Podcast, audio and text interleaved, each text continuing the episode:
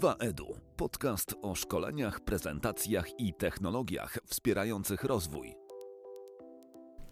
No dobrze, witam Cię Piotrze. Kolejny odcinek, który będziemy nagrywać. Pierwszy, który nagrywamy po nowym roku. Wiadomo, że on gdzieś tam później się pojawi, więc pewnie nasi słuchacze będą go słuchać e, delikatnie już, jak wszyscy zdążą dojść do siebie. Natomiast jak tam wrażenia noworoczne, nadzieje są? Y, wiesz co, znaczy ja należę do tej grupy, która jest antypostanowieniowa noworocznie, w sensie noworocznie postanawiam nie postanawiać, więc u mnie się jakby, wiesz co, nie wiem, nie, nie ta jedna, jeden jaki, jaki widzę problem to to, że wiesz co, ciągle jak piszę datę, to piszę 2020, bo to mi się tak podobało i teraz wiesz, zamazuję 0 i muszę wpisywać jedynkę, no nie? To taka jedyna zmiana, jaką widzę. Nie, nie mam takiego, wiesz co, czegoś, że jest nowy rok i nowa ja, no nie? Nie, zupełnie. No, wiesz, dopóki nie, będzie, dopóki nie będzie czerwca i nie będziesz wpisywał dalej 2.20, no to myślę, że wszystko powinno być ok. Też mi się zdarzy na pewno.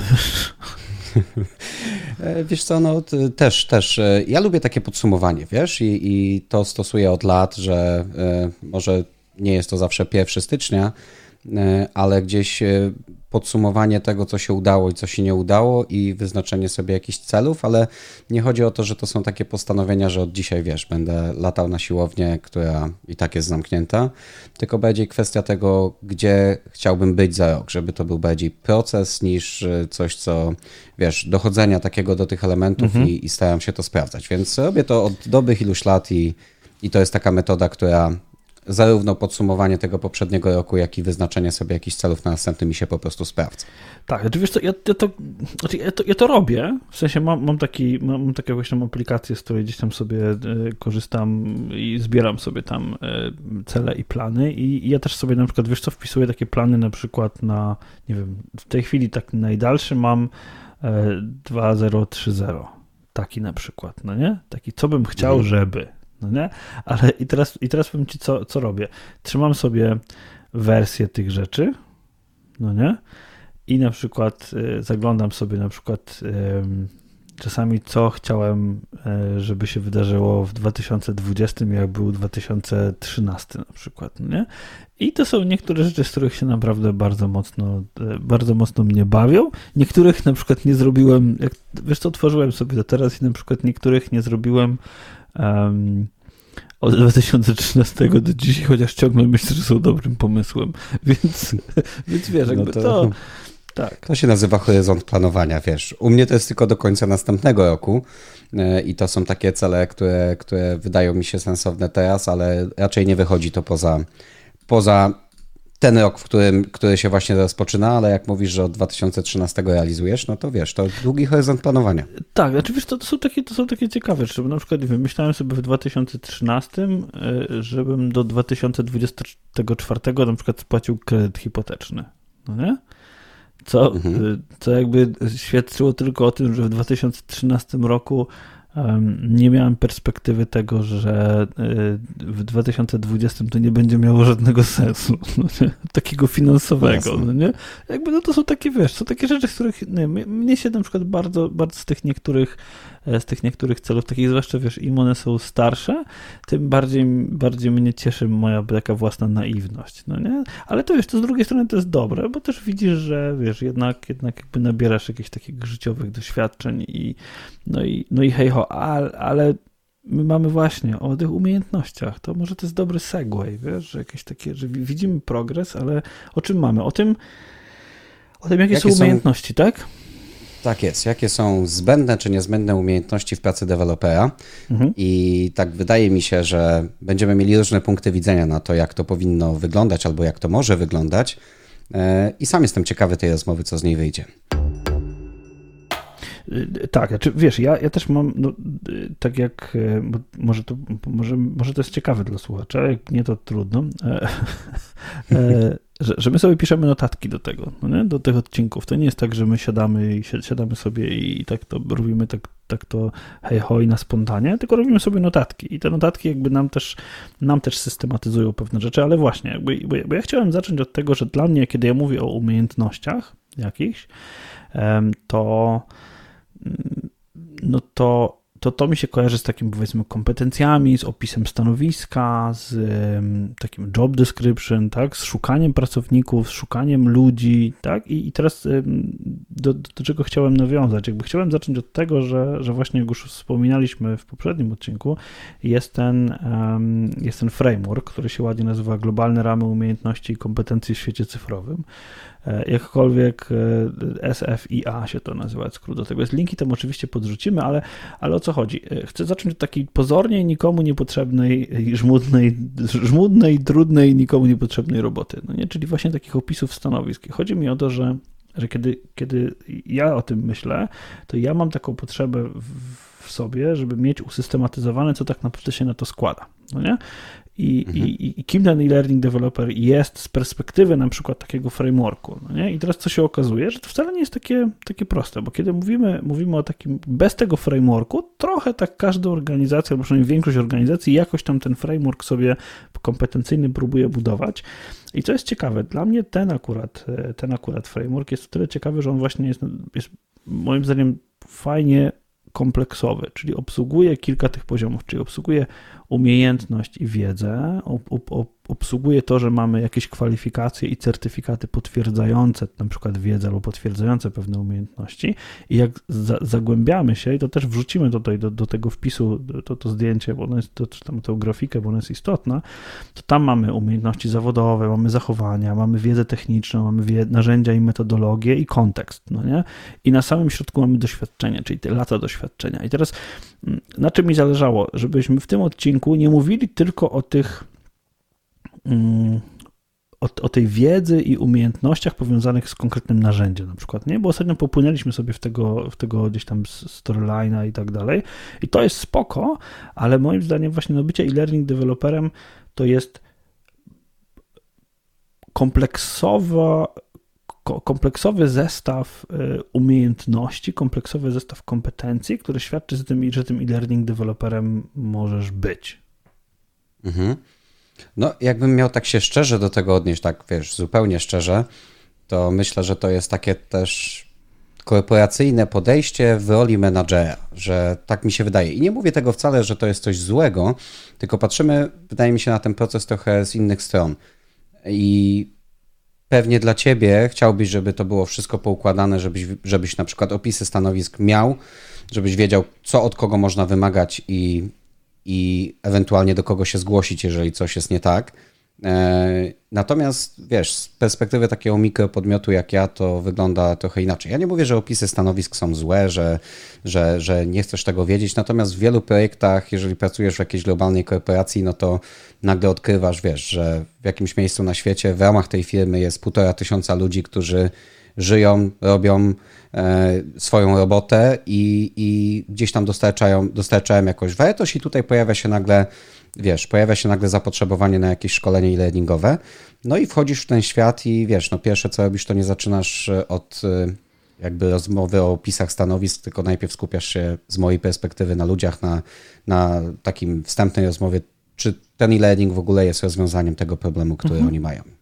Mhm, mhm. No, no, no, no tak, ale, ale wiesz, ja, ja tam to też patrzę z takiej perspektywy, że zobacz, ty już jesteś tym e-learning developerem, no nie? Mhm. I co to oznacza? To oznacza, że nawet jeżeli weźmiemy sobie ten framework, którego się, którego się trzymamy, tak jako punkt odniesienia, to oznacza, że ty już jesteś na jakimś poziomie zaawansowania, no nie? Bo ty mhm. na przykład już potrafisz zadawać te pytania. I do, do, do czego zmierzam? jeżeli ja dalej z uporem maniaka wrócę do tego frameworku, ale nie po to, żeby jakoś go chwalić, ale po to, żeby ci, żeby, ci pokazać, że jakby to, to się w pewnym sensie zgadza z tym, co ty mówisz, no nie? Że, że kiedy ja patrzę na to właśnie z perspektywy takiej menedżerskiej, to widzę, że tak, umiejętności powiązane z e-learning developerem, to się ładnie tam nazywa learning design and development, to jest w, jednym, w, jednej, grup, w jednej grupce, no nie? To jak mamy te E, siedem poziomów tutaj e, kompetencji, czy tych umiejętności, przepraszam, nie chcę mówić kompetencji, umiejętności, siedem poziomów, tak, od takich tak zwanej, ładnie się, ładnie, ładnie się nazywa pierwsza, zgodne postępowanie, tak, czyli jesteś takim, wiesz, nubisem, no nie, to co się mhm. okazuje, e-learning dewelopera nie ma ani na tym poziomie zgodne postępowanie, ani na tym poziomie poziom, po, pomoc, tak, czyli na poziomie drugim, ani na pierwszym, ani drugim go nie ma. On się dopiero pojawia na poziomie trzecim, czyli stosowanie, tak? Czyli widzisz, jakby yy, nawet jeżeli mamy takiego junior i learning developer, takie stanowisko załóżmy, no nie? Taki wiesz, taki ktoś, kto zaczyna pracować, to on to już musi mieć jakieś doświadczenie zawodowe, tak? Wiesz, jakby, bo to, bo to właśnie widzisz. I teraz ty mówisz, że wchodzę do pewnego projektu i zaczynam zadawać takie pytania, robię to, robię to, robię to. No nie? Mhm. Czyli właśnie ty już stosujesz pewne metody, pewne narzędzia, które e, są specyficzne dla tego stanowiska. No nie?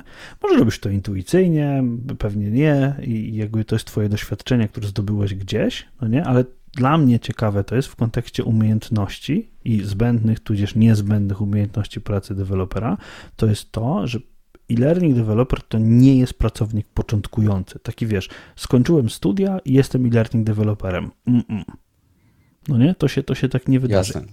A z drugiej strony jest też trochę taki, no nie chcę powiedzieć szklany sufit, ale trochę w tej roli on jest i, i tutaj, tutaj też ten framework to pokazuje, że mm, kończy się to na poziomie piąty. Pierwszy poziom piąty oznacza zapewnianie i doradzanie, czyli jesteś takim master, e, master i, learning developerem, no nie? Mhm. Czyli masz taką rolę ekspercko-doradczą e, i, i, mnie przynajmniej, z mojego doświadczenia, z mojej perspektywy, to się bardzo ten framework maczuje do, ładnie powiedziałem, framework maczuje do rzeczywistości, no nie?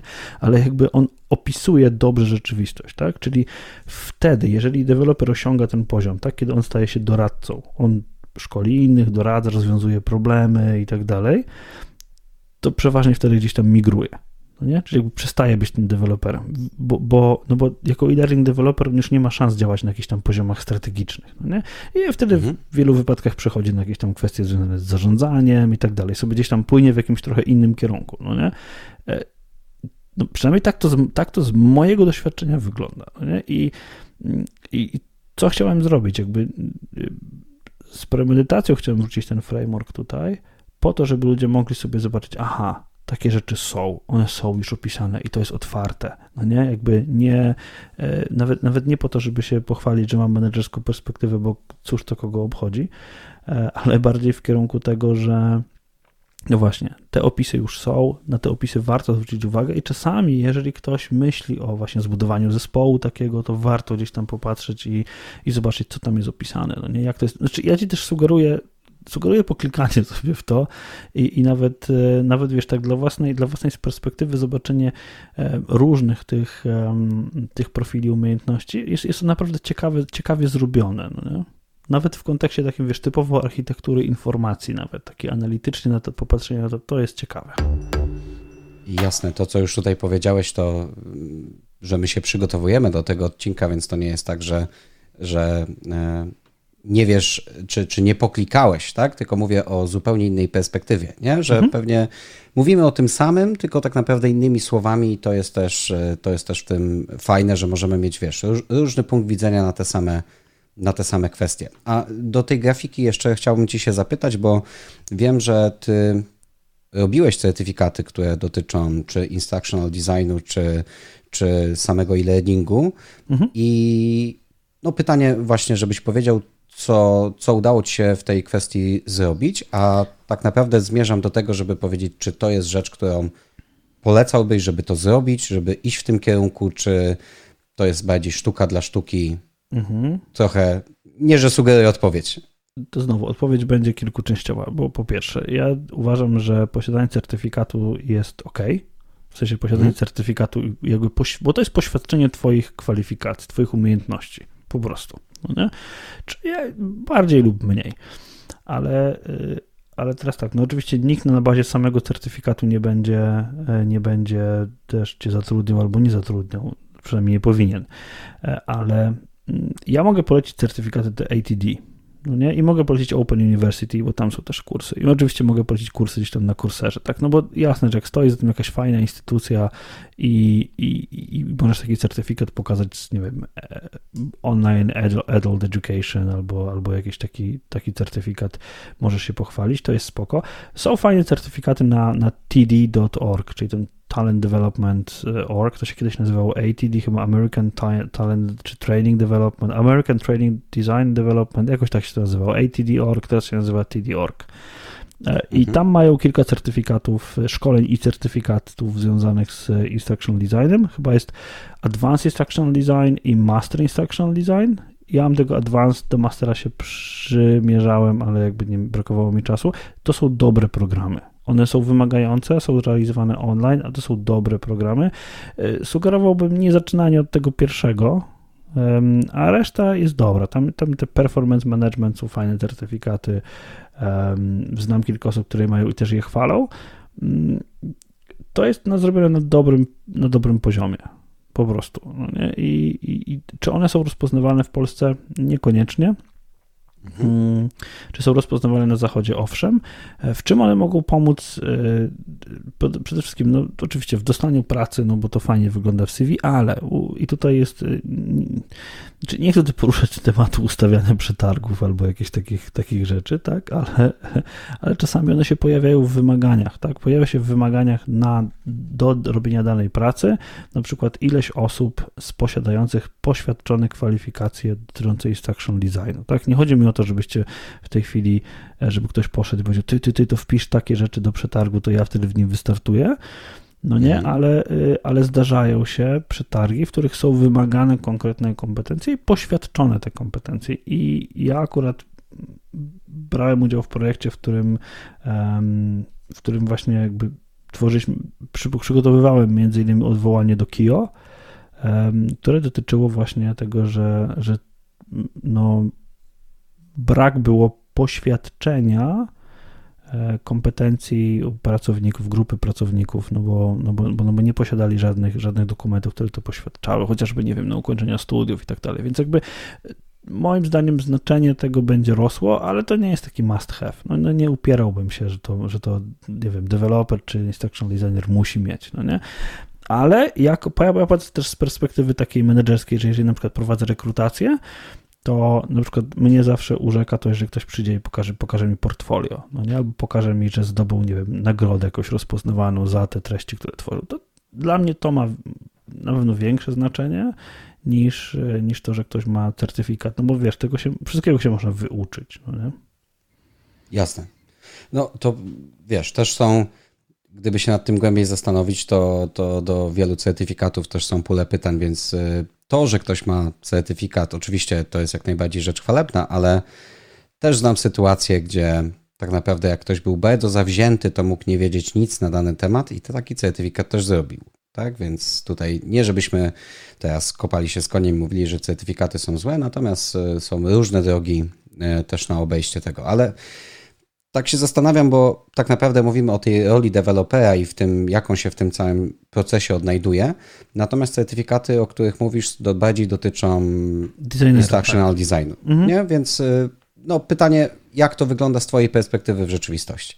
W sensie mówimy o ty, tym podziale, tak? Developer a designer. Tak jest. E, wiesz co? Tych matrixów jest setki. Nie? Ja mówię o Matrixa, nie obejrzałem sobie Matrixa znowu, więc, e, więc mam, taki, mam taki kontekst właśnie, że wiesz, jakby mm, w różnych organizacjach ta osoba będzie zajmowała się różnymi, różnymi rzeczami i na przykład, nie wiem, będziesz specjalistą do spraw kształcenia zdalnego w uczelni, e, to będziesz robił, myślę, że jedno i drugie, ale to zależy też od uczelni, albo nie wiem, będziesz wykładowcą, nie wiem, no ja jestem wykładowcą, ty jesteś wykładowcą i czasami wiesz, że musisz sobie ten learning zrobić od A do Z sam, Potem jeszcze musisz, ten materiał musisz przygotować, dostarczyć, zaprojektować i potem jeszcze zrobić sobie z niego ewaluację na przykład. No nie, więc jakby to będzie to zależało od, mm, od kontekstu i od organizacji, ale jeżeli skupimy się na firmach, które dostarczają te treści, to moje doświadczenie i też staram się to, staram się to studentom tak tłumaczyć, że to jest trochę tak, że mm, instructional designer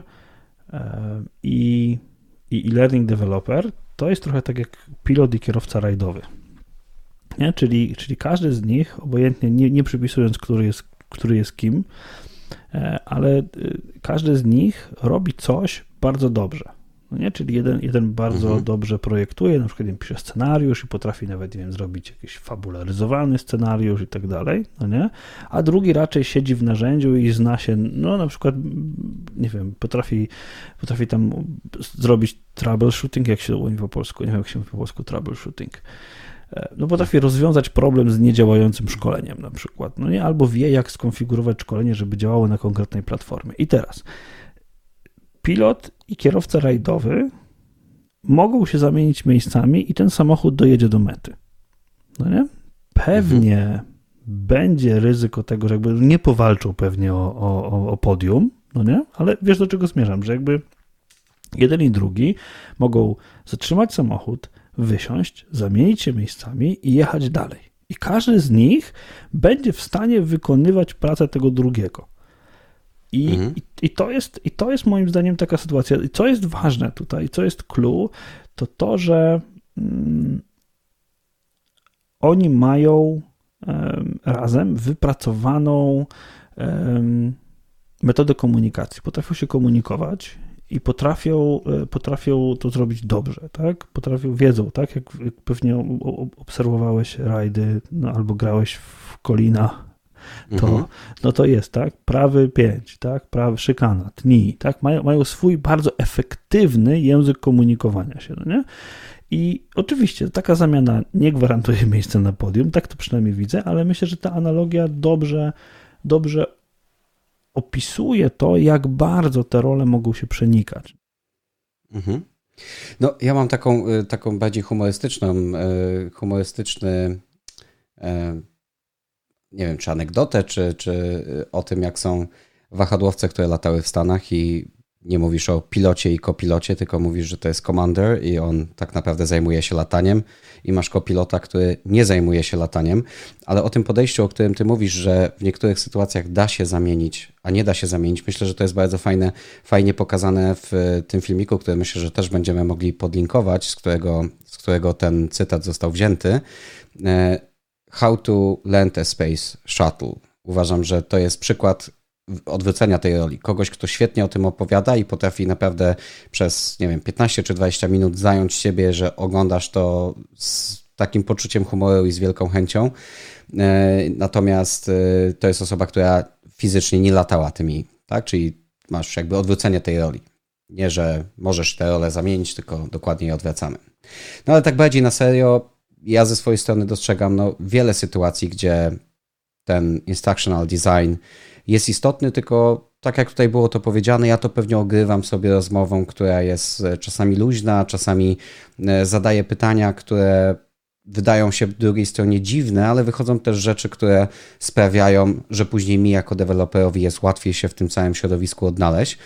I dla przykładu, no jeżeli miałem szkolenie, które było dla pracowników, którzy byli na jakiejś hali produkcyjnej, tudzież, bo to były dwa różne szkolenia, które pracowali na statku przy silnikach statków i dla nich robiliśmy szkolenie, no to może się okazać, że z takiej luźnej rozmowy wychodzą ci elementy, które później definiują ci całe projektowanie tego szkolenia, że oni pracują na przykład w głośnym środowisku nie będą w stanie usłyszeć voice'a, który podepniesz pod takie szkolenie, no i musisz ten treść tak naprawdę podać w inny sposób, tak? Czyli albo podajesz to napisami, albo podajesz to e, i voice'em, i napisami, więc e, no nawet jako deweloper, wiesz, no spotykasz się z tym całym procesem e, i celnie zadane pytania mogą się okazać, że no po prostu robią robotę, tak? Że one ci załatwiają to, jak w ogóle takie szkolenie będzie, będzie wyglądać.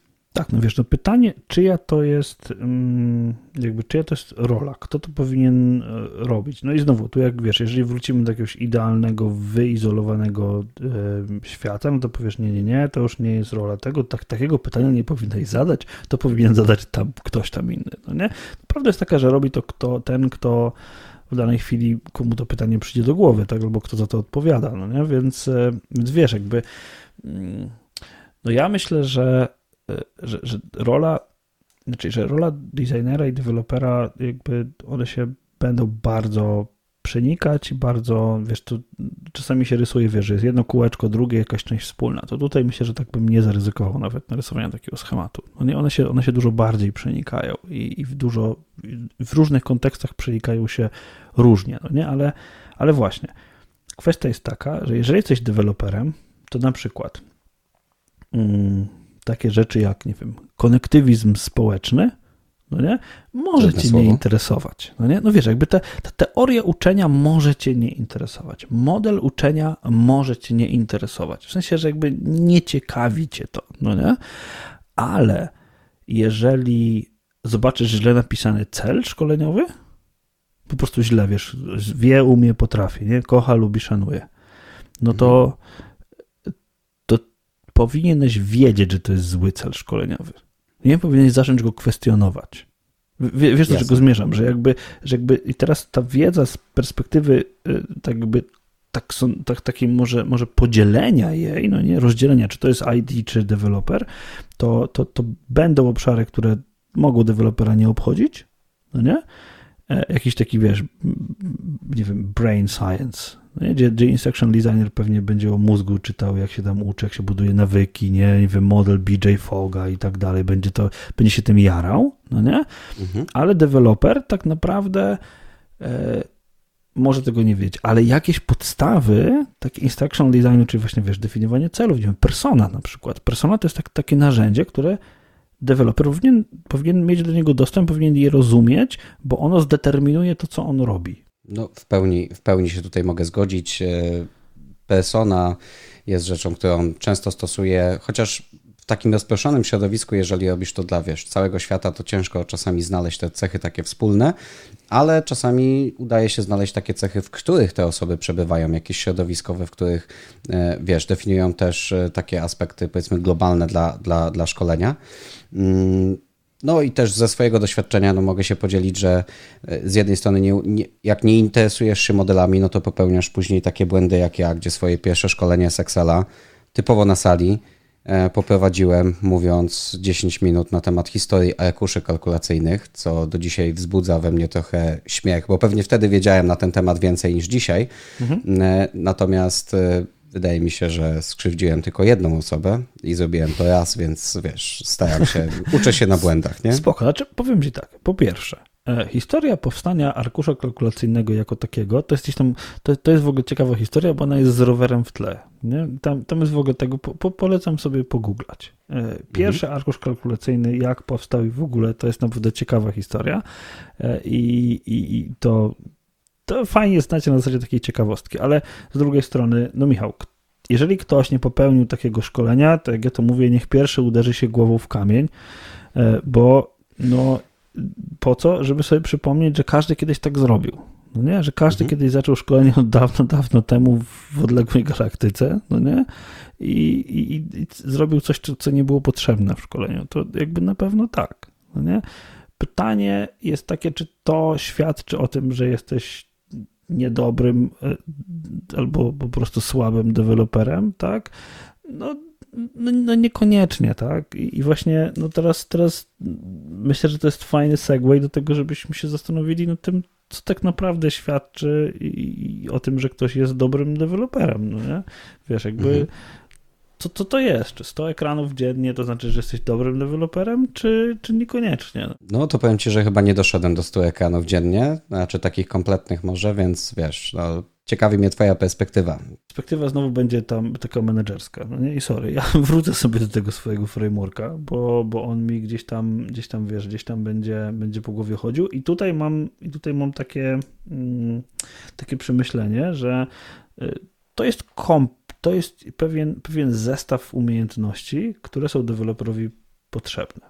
I, i teraz, i, ale jak miałbym to podsumować, to są to, to, najważniejsze i to, co ja będę powiedzmy, i będąc klientem takiego dewelopera, będę cenił to, że ktoś dowozi.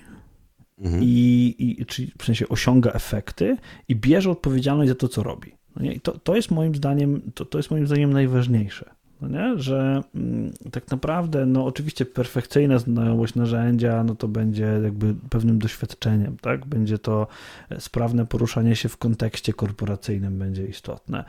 Doświadczenie w pracy, nie wiem, załóżmy, tworzysz coś takiego, co się nazywa close, close loop marketing i to bardzo często tworzy, tworzy się takie e-learningi dla e, przedstawicieli E, medycznych na przykład. I teraz, teraz to doświadczenie w pracy w konkretnym kontekście tym medycznym będzie miało, będzie miało znaczenie, tak?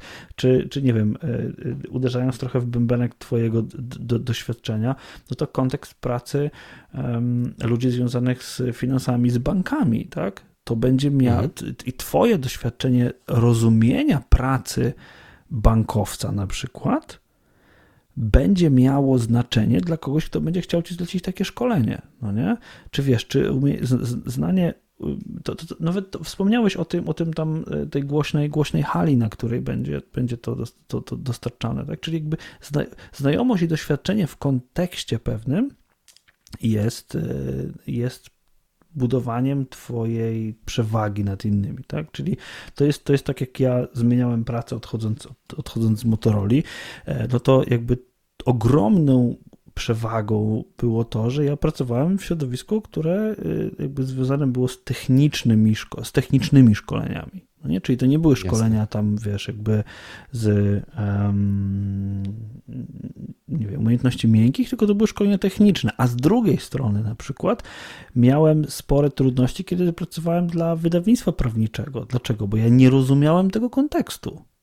No nie? I wiesz, jakby to, to jest to, że, że moim zdaniem to są, to, są, to są te kompetencje, te umiejętności, a z drugiej strony, no ja uważam też tak, że dobry deweloper, taki idealny dla klienta, to jest taki, który już jest przeczołgany przez różne konteksty, a z drugiej strony jeszcze nie jest na tym najwyższym poziomie, na którym może być, czy jeszcze nie jest tym ekspertem i doradcą, bo jest taki, wiesz, no, no, ma, ma w sobie pokorę, tak? Dostarcza efekty, dowozi szkolenia na czas i jest w stanie wyestymować pewne rzeczy i określić na kiedy dowiezie i czy to jest możliwe, no i taki jest najlepszy. W sensie, wiesz, jakby Mhm. No, no, nie jest taki, nie, nie, nie, ma w sobie jeszcze tej zarozumiałości, którą ma, mają już tacy, wiesz, jakby senior e-learning developer, to wiesz, tak jakby czasami, czasami jest taka tendencja, wiesz, zbytniej ufności w własne umiejętności i, i z takimi ludźmi się czasami po prostu już um, trudno pracuje i oni powinni chyba już mieć inne stanowiska. Tak, to jest takie moje, moje, wiesz, moje doświadczenie przynajmniej. 2EDU. Jeśli zależy Ci na efektywności szkoleń i interesują Cię nowinki techniczne, ten podcast jest właśnie dla Ciebie. Czyli jak rozumiem, szukasz takiego przeczołganego przez projekty swojaka. E, wiesz to tak. E, tak? Tak. E, szukam okay. takich ludzi. Dlaczego? Bo oni mają w sobie tę pokorę i wiedzą, że nie zawsze, nie zawsze wszystko musi być tak, jak oni przeczytali w książkach i tak, jak było w poprzednich projektach. Myślę, że na to w tym odcinku jeszcze trochę będzie czasu, na to skalowanie, mhm. I myślę, że tam wtedy możemy do tego wrócić, ale, ale właśnie no, no to, ta, ta skala i różnorodność kontekstów, to o czym już mówiliśmy w poprzednim odcinku też, to, to są takie rzeczy, które są moim zdaniem istotne i rzadko się o nich wspomina, przeważnie się mówi, o ma tam ktoś umieć narzędzie do e-learningu. No, no dobra, no ma umieć narzędzie, ale, ale wiesz, narzędzie też się, też się idzie nauczyć, no nie? Bo nagle, wiesz, nagle też może być taki, taka potrzeba, że nie wiem, nagle trzeba zrobić 500 e, slajdów w A nie, a nie Articulate'a, bo coś tam, no nie? Więc jakby to, to, to te, te wszystkie inne kompetencje oprócz narzędziówki tutaj mają ogromne znaczenie. Ale wiesz co, ja bym ci powiedział, że nawet z perspektywy osoby, która tym to narzędzie odpala tak naprawdę codziennie, to jak myślałem sobie, kogo ja bym myślał, że jest dobrym deweloperem, tak? Jakie cechy ta osoba powinna posiadać, to chyba mam dużo takich naleciałości właśnie ze szkoleń stacjonarnych, bo dla mnie to jest przede wszystkim jakaś umiejętność słuchania. Wiesz, mhm. jeżeli ciągle pracujesz nad tym samym i w sensie nad tym samym, nad tym samym, na tej samej materii, to jest taka duża pokusa, żeby ktoś rozpoczął zdanie i żebyś ty już dopowiedział, ok, ja już wiem, jaka jest odpowiedź i, i, i wiesz, nie wysłuchania tego do końca. Okazuje się, że z reguły w tej drugiej części zdania znajduje się to clue, z którego też można wiele wyciągnąć. Mm, czyli, no wiesz, no nie podajesz rozwiązania tak naprawdę od razu, pomimo tego, że już tam jest, jesteś gotowy do tego, żeby je e, podać, tylko, tylko wiesz, takiego wsłuchiwania się w to, co ludzie rzeczywiście chcą powiedzieć i nie zawsze to się za, zawiera w tych słowach, które oni wypowiadają. Mhm. E, Wiesz, z drugiej ja, strony... usłyszałem takie zdanie, przepraszam, że ci przerwę, ale usłyszałem mhm. takie zdanie, że mm, umiejętność słuchania, jakby jeżeli nie umiesz słuchać, to możesz nie doczekać do ale i nie złapać całego kontekstu. No myślę, że to jest właśnie krótszy sens tego, co chciałem powiedzieć, nie?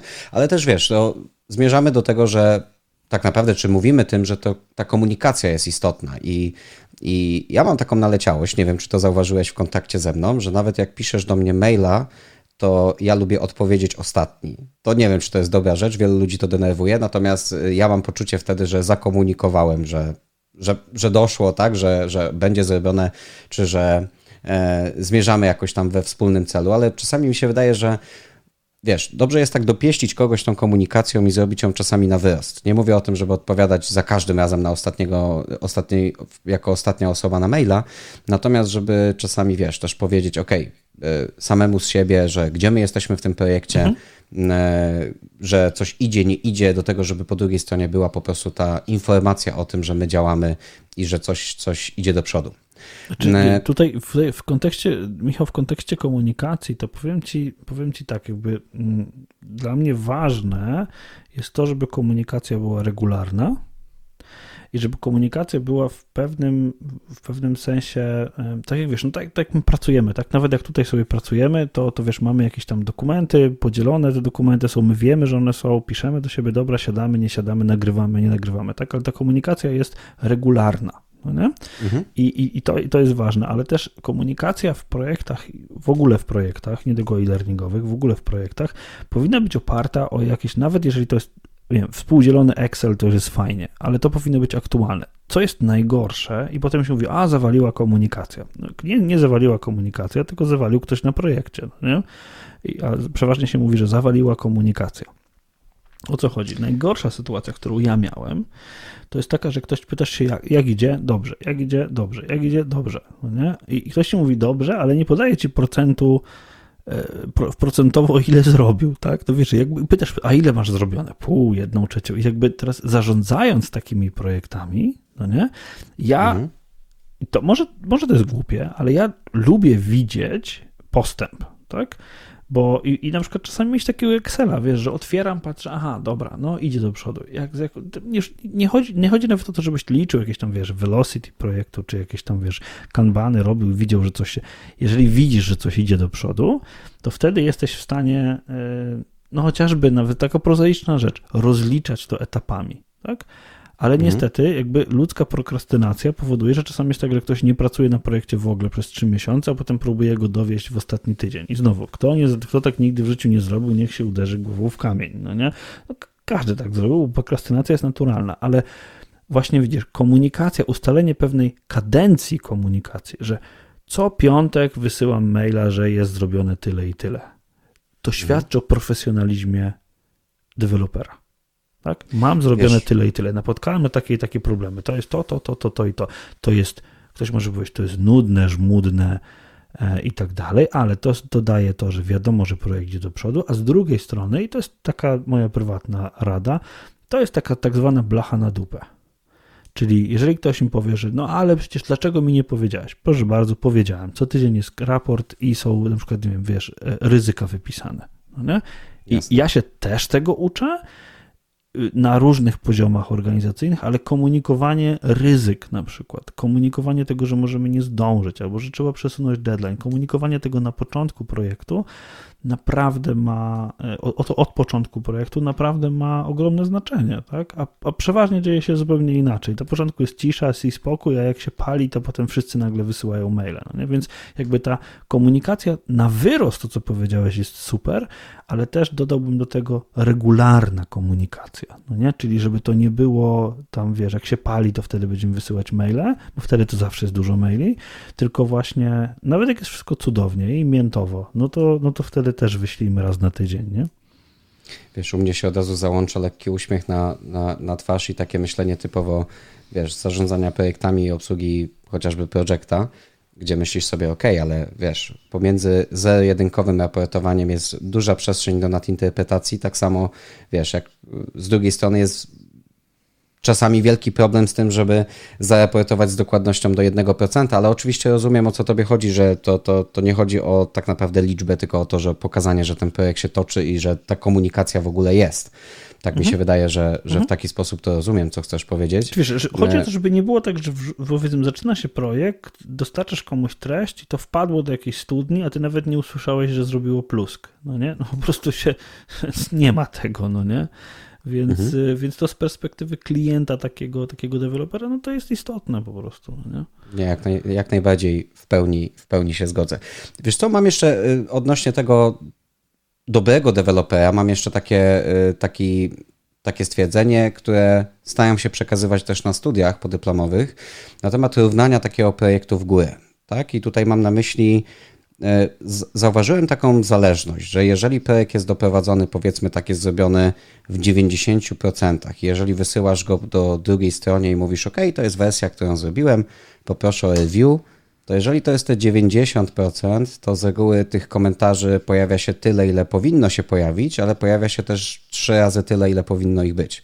E, czyli ludzie zaczynają się doszukiwać tego, co tak naprawdę jeszcze nie działa, no bo przecież jak już znaleźliśmy tyle rzeczy, no to jest potencjał do tego, żeby tego było zdecydowanie więcej.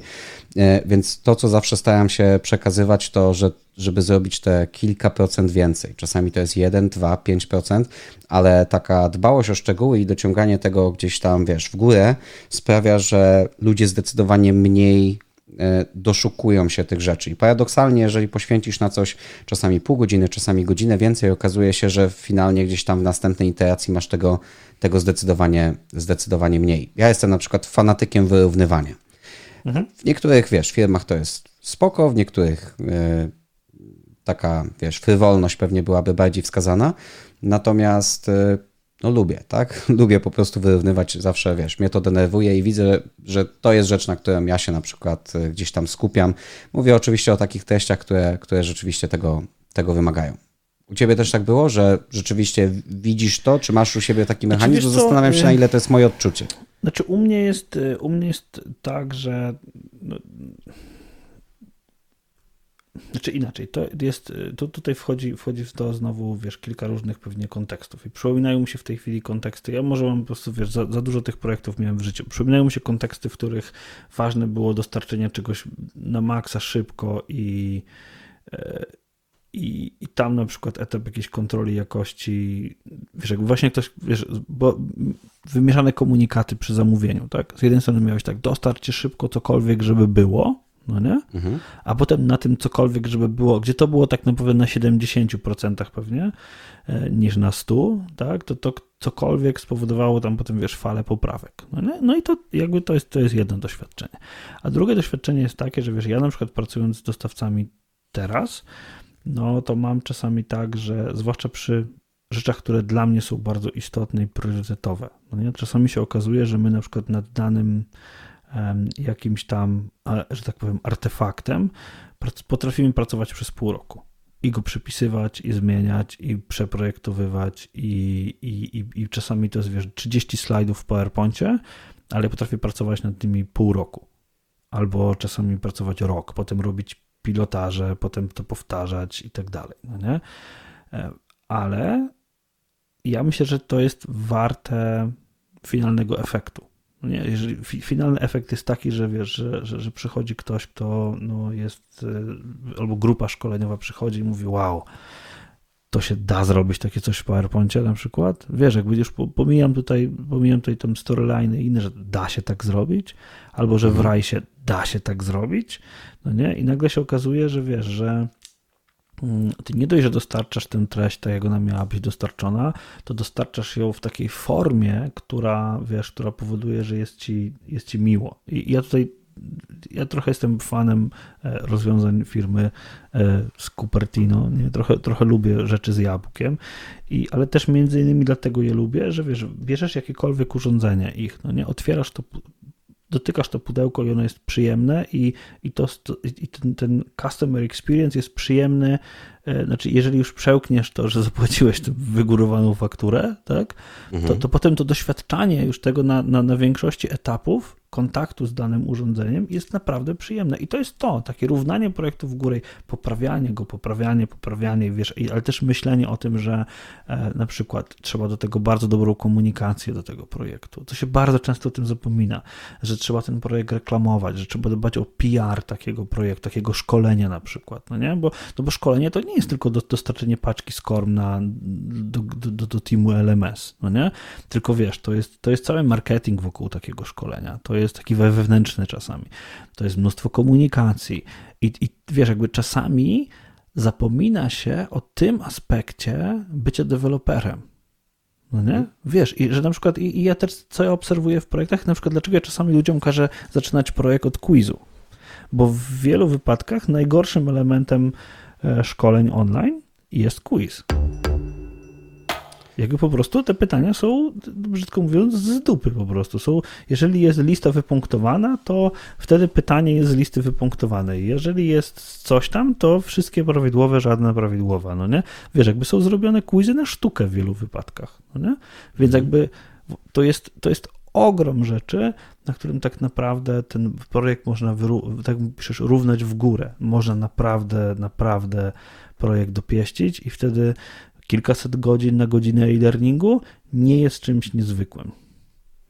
No ale myślę, że wszystko to się sprowadza do, wiesz, takiego trójkąta zarządzania projektami, e, no budżet, czas i zakres, nie? No to się, to się musi ze sobą jakoś tam spiąć, no i to wszystko prowadzi też do tak naprawdę zarządzania w wielu wypadkach czasem dowożenia czegoś mhm.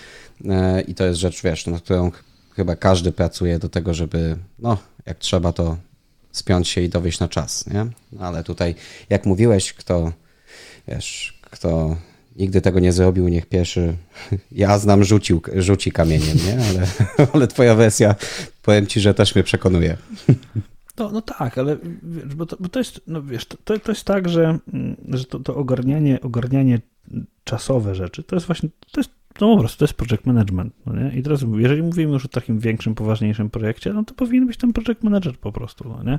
E, I, i, I dlaczego? Też, też project manager wnosi ze sobą taki, taki ogar, ogar biznesowy. No I, to, I to jest, to jest istotne. I tutaj to taki mój, nie, nie wiem czy to będzie protip, czy nie, ale niech sobie tak będzie. Moim zdaniem deweloper powinien przejść przez przez taki projekt też ze świadomością tego, że tam są w nim pieniądze. No nie? I teraz e, powiedzmy, jeżeli ty pracujesz jako powiedzmy JDG, tak, jedno, jak to się jednoosobowa działalność gospodarcza, no nie? No to, mhm. to ty widzisz pieniądze, no nie? Ty widzisz, jak albo, to wygląda. Albo nie widzisz. widzisz pieniądze, bo one, one są, two, to jest twoja produktywność po prostu. To jest, to jest tyle, ile ci zostanie w końcu na talerzu, no nie? E, ale ludzie często tego nie widzą. I często na przykład nie widzą tego, że poprawianie 6 razy treści w szkoleniu oznacza tłumaczenie 6 razy, nie? Bo sobie ktoś tak zrobił, no nie? I mnie się na przykład tak zdarzało, że wiesz, na przykład niekomunikowanie, ile będzie treści w szkoleniu oznaczało, że um, ekipa tłumaczeniowa, czy tam menedżerowie od tłumaczeń nie byli w stanie przewidzieć kosztów związanych z tłumaczeniami, no nie? A potem deweloper mówił, no ale to nie moja wina, no mi kazali zmienić, no nie? Więc jakby o co chodzi? Ważny jest ten ogar biznesowy też. No nie? Czy widzisz, zobacz o ilu tu aspektach mówimy. No nie? One oczywiście będą mhm. kontekstowe, ale jak, jak, jak mnóstwo jest tutaj różnych, różnych e, umiejętności, które, które no są powiązane wprost z doświadczeniem. No jest tego mnóstwo. No ale wiesz, tak jak byśmy szli dalej, to można iść i pytać się o konkretne rzeczy, czy ten e-learning developer tak naprawdę musi umieć nagrywać ten dźwięk, y, montować później to, nagrywać wideo, wiesz, może gdzieś tam biega z kamerą, jest i scenarzystą i wiesz, wychodzimy gdzieś tam dość mocno poza, poza tą rolę takiego osoby, która siedzi przed narzędziem i gdzieś tam z nim, z nim działa, nie? Jak tutaj, jak to z twojej perspektywy wygląda? Znaczy, powiem ci tak, y, że jak patrzę sam na swoje doświadczenie, to ja funkcjonowałem w dużej liczbie różnych ról, takich właśnie, właśnie e-learningowych. Czasami po prostu robiłem nawet voiceovery, no nie? Do szkoleń, do jakichś takich prototypów szkoleniowych. Ale no właśnie, istotne jest to, żeby poznać te wszystkie aspekty. Nie, nie, nie chodzi mi o takie poznanie, wiesz, dogłębne, tak, bo, bo pewnie no, nie musisz się interesować tym, jak lektor pracuje i jak lektor nagrywa, ale w jaki sposób napisać skrypt, żeby lektor przeczytał dany tekst z odpowiednimi emocjami, to już warto byłoby wiedzieć, nie? No bo masz mu napisać skrypt.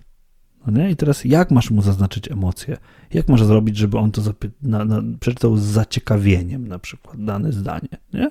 To są takie rzeczy, które, no, które są istotne, zwłaszcza przy fabularyzowanych na przykład scenariuszach. Więc e, z mojej perspektywy, żeby deweloper mógł powiedzieć, ej, ja naprawdę ogarniam, nie? to powinien przejść kilka razy w życiu przez takie projekty, w których będzie widział od A do Z, co się dzieje. Nie? Czyli chodzi mi o to, żeby przeszedł przez cały cykl od momentu, kiedy, żeby wziął udział w analizie projektu, żeby wziął udział w kick-offie, żeby wziął udział w wiem, wycenianiu projektów, żeby wziął udział w tym, jak projekt jest dostarczany przez LMS-a, jak się rozwiązuje błędy, żeby, żeby był w stanie to zrozumieć od A do Z.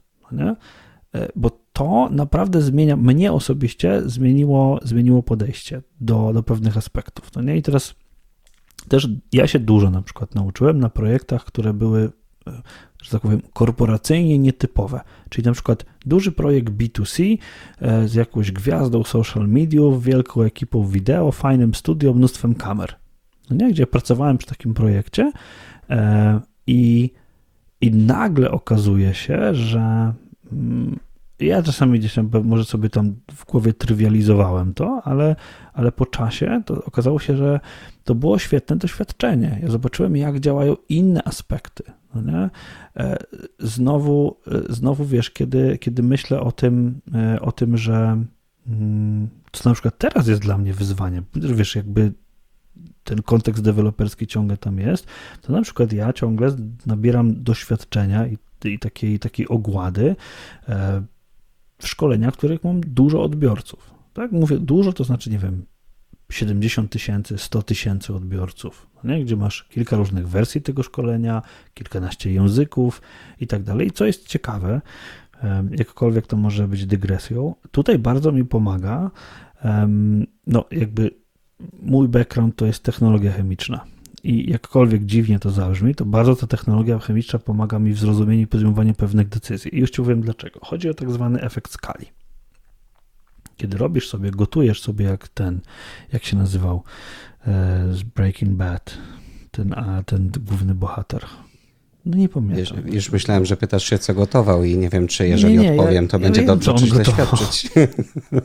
No ale mamy, i on sobie gotuje w takiej skali, no powiedzmy laboratoryjnej coś robi, no nie? Jeżeli tam, dlatego tam też w tym filmie to trochę, trochę było to pominięte, ale do czego zmierzam? Jeżeli robię coś w skali laboratoryjnej, mam kontrolę nad wszystkimi parametrami, tak? Temperaturą, tym jak się to wymiesza dobrze i tak dalej. Wydajność takiej relacji, reakcji może być tam powiedzmy 99,9. No nie, jakby będzie ta reakcja bardzo wydajna i to nie jest zaskakujące. Jakby jest ok. Ale teraz wyobraź sobie, że taka technologia chemiczna polega na tym, żeby nagle wyprodukować kilogram produktu, nie gram, tylko kilogram produktu 10 kilo, 100 kilo, tony i tak dalej. Nagle się okazuje, że napotykasz na szereg trudności.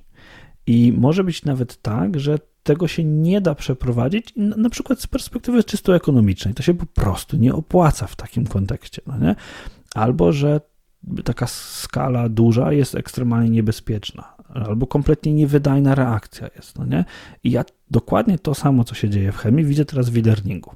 Nie? Czyli teraz, jeżeli sobie jakiś ktoś w organizacji kupi Storyline'a, jest to duża, zakładam, że jest to duża organizacja, tak mówię na przykład, nie wiem, mamy wdrożyć szkolenie, o, to jest taka, żeby fajna skala była, mamy wdrożyć szkolenie dla wszystkich nauczycieli w Polsce zrobione przez Ministerstwo Edukacji, albo tam Ośrodek Rozwoju Edukacji, albo jakąś tam inną organizację, no nie?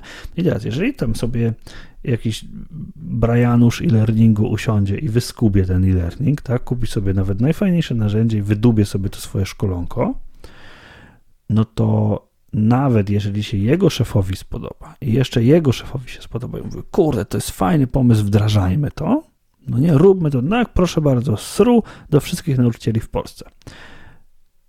To dokładnie działa to, co działa w tej skali chemicznej, czyli to zrobione szkolenie odpowiada za, uwaga, 0,001% zdolności do osiągnięcia rzeczywistych efektów. No nie?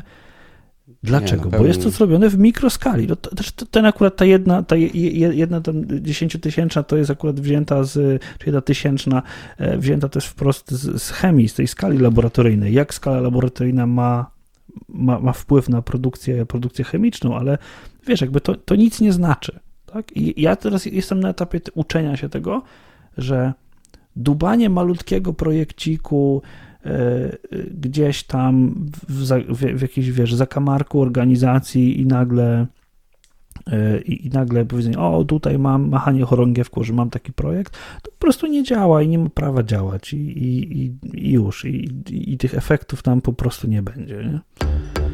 Jasne. No ja się mogę jedynie pod tym podpisać i zgodzić, bo widzę to na przykładzie, wiesz, swojego mikropodmiotu, który gdzieś tam funkcjonuje i ten learning stara się dostarczać, że tą główną barierą jest po prostu podaż twojego czasu. Nie? Doba ma 24 godziny i masz też jakąś swoją o, taką odporność, ile jesteś w stanie tak naprawdę, nazwijmy to, wysiedzieć do tego, żeby, mhm. żeby coś dostarczać i mm, pewnie lepiej się to rozkłada, wiesz, w większych zespołach, gdzie możesz, tutaj rzeczywiście, wiesz, no trzeba to przyznać, w większych zespołach, gdzie możesz tą pracę rozłożyć i masz trochę więcej buforów do tego, żeby, żeby gdzieś tam e, to wszystko szło do przodu. Ale wiesz, są też takie sytuacje, gdzie jak pracujesz właśnie w globalnej korporacji, to z jednej strony wiele rzeczy masz ułatwione, mówiąc o tych kompetencjach takich trochę dookoła, e, czyli to masz na przykład MediaBank w naszej firmie, w której pracujemy i czasami jesteś zwolniony, ty nie zawsze musisz w pełni robić tą grafikę. Co więcej, czasami jesteś ograniczony do tego, że nie możesz mieć tutaj pełnej dowolności i, i możesz korzystać z tego, co gdzieś tam jest w środku, albo co jest bardzo, bardzo spójne z całą wizją i koncepcją e, firmy. I tutaj wspominam jeden projekt, gdzie ja się ciebie dopytywałem, żebyś e, z zupełnie innej firmy, żebyś, żebyś mi pokazał, jak wygląda CI tego, tej firmy, czyli ten mhm. Corporate Identity i ty mi przysłałeś plik, który miał 528 stron, e, który, no powiedziałem sobie, a mogłem nie pytać, nie?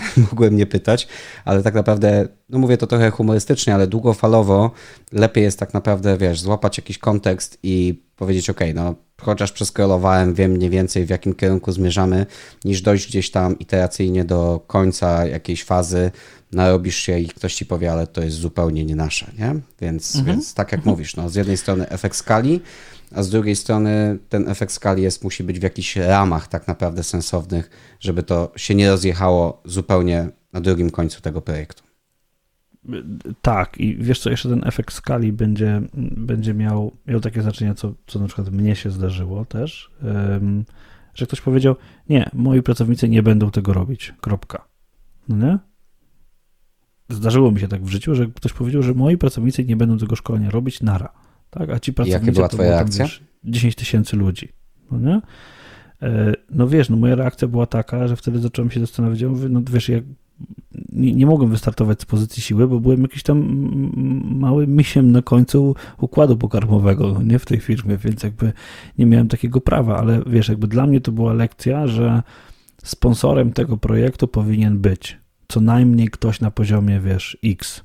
No nie? Wiesz o co chodzi, to, to jest po prostu, to, to jest znowu, to jest jeden z tych właśnie, e, jeden z tych rzeczy, które są po prostu spowodowane przez, przez tę skalę, ale wiesz co, ja chciałbym trochę z tego, z tego korporacyjnego toku zejść na, e, na takie proste pytanie. Powiedz mi, ty ogarniasz JavaScript?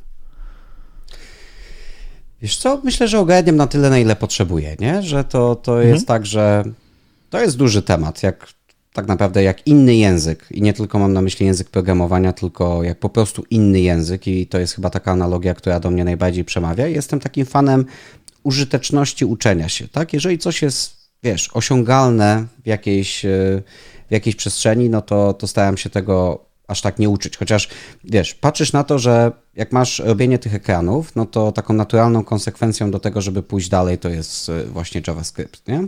Ale myślę, że na tyle, na ile go potrzebuję w tych projektach, które robiłem, to potrafię zaadoptować ten kod, który, który potrafię znaleźć. E, I tutaj jest taki bardzo fajny, bardzo fajny projekt. E, nie, nie, nie, nie potrafię wymówić tak naprawdę imienia i nazwiska, myślę, że będziemy mogli to podlinkować. Salt Olach, który wymyślił sobie, że napisze książkę o, wiesz, JavaScriptie dla storyline'a i nagle się okazało, że hmm, dlaczego ma być to książka, skoro możemy zrobić to w postaci learningu, czyli to już jakiś plusik, że użył właśnie tego narzędzia. Mhm.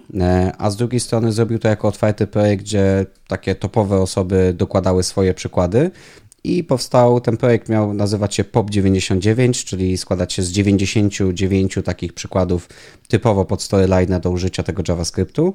No a wyszło na to, że te osoby tą swoją kontrybucją włożyły tego tyle, że jest tego zdecydowanie więcej. Więc pytanie, czy wiesz, czy musisz umieć wszystko pisać do tego, żeby z tego korzystać? No, znaczy wiesz co, ja, ja powiem ci tak, no ja, ja trochę przez długie lata to byłem takim nerdem komputerowym, no nie?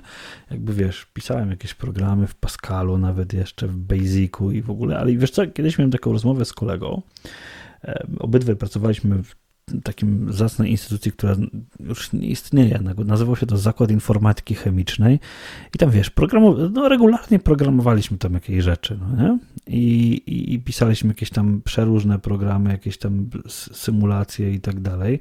Obsługiwaliśmy takie rzeczy, ale wtedy wiesz co, my, my sobie tak myśleliśmy, że kurde, wiesz, no tak na serio, to my za zajęliśmy się komputerami pewnie jak byliśmy, wiesz, mieliśmy po kilkanaście lat. No nie? I tak myśleliśmy sobie, że a, ale teraz jak przyjdą te kolejne pokolenia, które się już urodziły z komputerem, wiesz, w, w, w domu chociażby, myśmy wtedy myśleli, wiesz, urodziły się z komputerem w domu. Nie, że w domu będzie 11 komputerów, no nie? Mhm. Tylko, tylko wiesz, tylko, że będą mieli w domu komputer, no to, że oni nas po prostu zmiotą z planszy, no nie? Że wiesz, no po prostu zostaniemy bezrobotni. I teraz powiem ci, że tak naprawdę nic takiego się nie wydarzyło. I, i ja mam takie, ja mam takie, tak, takie, tak sobie myślę, że nie musisz znać JS-a, nie musisz znać XML-a, SQL-a i tak dalej, ale lepiej jak znasz. Wiesz o co chodzi, że takie, że takie podstawowe kształcenie IT powoduje, że nie wiem, jak ja na przykład komuś mówię, powiem Ci sytuację, która jakby w firmie, w której pracujemy, była tak z miesiąc po tym, jak dołączyłem do tej firmy, no nie? Mhm. Okazuje się, że jeden duży projekt tam na LMS-ie no po prostu nie miał prawa zadziałać. No nie, no, no nie działało, tam nie raportowały się wyniki, nie generowały się certyfikaty, no nie? No nie działa, nie działa, nie działa i to larum trwało tak przez jakieś tam trzy tygodnie, no ja mówię, no dobra, jestem nowy, rozwiązują problem, no niech się rozwiązują, no nie? I potem się pytam, mówię, ty, no ale może ja na to popatrzę, no nie? No i mówię, ale nie, bo to jest, wiesz, jest, no, że to jest zaawansowane, to w ogóle tutaj te, te pliki są wygenerowane i tak dalej, ale kwestia była taka, że nikt nawet nie rozpakowywał zipów. No nie? W sensie to okay. jest ta paczka, ta paczka ma działać. No i potem się okazało, że tam no tak naprawdę to nie, nie, nie przekazywały się zmienne w, w te, te, manifestowe, no nie? Po prostu. I tyle się działo. Trzeba było to troszkę poprawić, kawałek JavaScriptu, w zasadzie tam no, wyglądało to tak, że trzeba było dwa, dwa pliki JavaScriptu zmienić, no nie? I, i, i tyle. I, i pokopiować do tam kilkunastu języków i, i, i tyle. Podmienić te pliki, wrzucić to na serwer i działało, no nie? Dlatego ja uważam, że lepiej, jeśli znasz. No nie? Bo właśnie, jeżeli się ktoś wykrzaczy, nie wiem, w tłumaczeniu, w XML-u, w manifestie, w czymkolwiek, no to ty masz szansę to po prostu naprawić. No nie? Jasne. A z, i, i, druga strona, druga strona medalu jest takich, wiesz, korzystanie z takich gotowych, gotowych rzeczy, jako ja mam trochę obawę, no nie? Że, że ty tak naprawdę nie wiesz, co kopiujesz. Nie wiesz, dlatego powiedziałem, że to, to jestem fanem użyteczności, ale potrafię zaadoptować, wiesz, ten kod, albo potrafię gdzieś tam dojść do tego, w jaki sposób on działa. No wiesz, to, to kopiowanie czegoś do szkolenia, tak wiesz, na chybił trafił, byłoby y, no, większa szansa, że to po prostu nie zadziała i tyle. Mhm, mhm, tak, ale wiesz, to, to, że nie zadziała, ja też powiem ci, że mm, ja ostatnio tutaj słuchałem sobie Yes Was podcastu. E, to jest jeden z takich podcastów, który ja sobie lubię, tak właśnie chillowo sobie ich słuchać i tam jeden z tych prowadzących mówi tak, ty, no ale powiem ci, że też jest użytkownikiem Maca i zaczął pracować na Windowsie, mówi, wiesz co, chciałem to zainstalować, ale tak naprawdę nie wiedziałem, co się dzieje. Otworzyłem terminal i tak kopiowałem te komendy po kolei, jak tam, jak tam, jak oni tam kazali w jakiejś instrukcji, no i działa, ale co ja zrobiłem? To nie mam bladego pojęcia. No nie? Więc wiesz, ja tu mam takie właśnie taką obawę, że, że to się może wydarzyć, ale um, ciekawy trend to jest tak zwany no-code. E, pewnie słyszałeś o tym. Nie? Są takie... No chyba w webowych stronach to jest naj, najbardziej popularne, tak mi się wydaje. Tak, i wiesz, ale przez długi czas ten, ten no-code polegał na tym, że no ty mogłeś sobie zrobić tam stronę, nie wiem, stronę internetową postawić na tym jakąś tam prostą e, i on gdzieś tam, może ja, ja przypominam sobie, że w latach 90. ludziom mówi, że nie będziesz musiał kodować, żeby zrobić program, no nie? I, i tak naprawdę nie musisz. I, I, teraz okazuje się, że nawet aplikację webową taką, wiesz, myślę, żeby się LMS-a nawet zrobił, bo, bo wiesz, bo są gotowe komponenty do sklepu internetowego, w którym możesz sprzedawać produkty digitalowe i tak dalej. Jakbyś się uparł, to pewnie zrobisz, e, zrobisz LMS-a i, i myślę, że, że ten trend to jest coś, przepraszam, to jest coś, na co, na co warto zwrócić uwagę w kontekście bycia deweloperem e, i no i i myślę, że, że, że, fajny cytat jest, który znalazłem e, akurat Grega Satella z któregoś tam starego Harvard Business Review. On powiedział, że e, cytując, techniczne umiejętności wymagane do tworzenia cyfrowej technologii znacząco się zmniejszyły. Dzięki rosnącej popularności rozwiązań i platform no-code. Podobnie jak zawód elektryka czy mechanika, również zawody IT stają się coraz bardziej dostępne dla każdego. I ja myślę, że tak jest z e-learningiem również. Że wiesz, jakby bardzo mało rzeczy musisz zakodować, tak wiesz, że siąść i z palca funkcję wypisać i tak dalej, no nie? Coraz więcej tego jest właśnie w takiej formie no-code, ale ciągle będzie miejsce dla ludzi, którzy wiesz, ogarnął XML-a, HTML-a, CSS-a. No jeżeli zapytasz mnie, czy warto, to ja ci odpowiem, że tak i na podstawowym poziomie tak, warto, bo no nie będziesz musiał szukać y, ludzi, którzy rozwiążą ci jakiś problem. Tak? Warto na takim poziomie, na którym, i to jest moim zdaniem bardzo ważne, e-learning developer powinien być w stanie przynajmniej zidentyfikować i dobrze opisać problem, który ma y, z danym materiałem. To jest taka moim zdaniem, y, moim zdaniem taka umiejętność po to, żeby na przykład mógł pójść do JavaScript dewelopera, czy do specjalisty od SQL-a, czy do specjalisty jakiegoś od, wiesz, integracji jakiejś API, nie API i, i mógł z nim rozmawiać po prostu, tak? Jak, nie mówię równy z równym, ale żeby był w stanie opisać problem, no nie? A nie żeby powiedział, co nie działa, no i learning mi nie działa, no nie? Nawet, wiesz, nie rozpakowując paczki albo, nie wiem, nie odpalając e, konsoli do JavaScriptu, no nie? Wiesz, jakby takie, no, no, no to są, może, może ja mam wygórowane wymagania, no nie? Ale no, no tak o tym myślę. Wiesz, ale to jest też tak, że my możemy mówić sobie, że mamy rozwiązania, które są no-code i no ale tak naprawdę ktoś musiał te rozwiązania i wymyślić i ktoś je na stale obsługuje.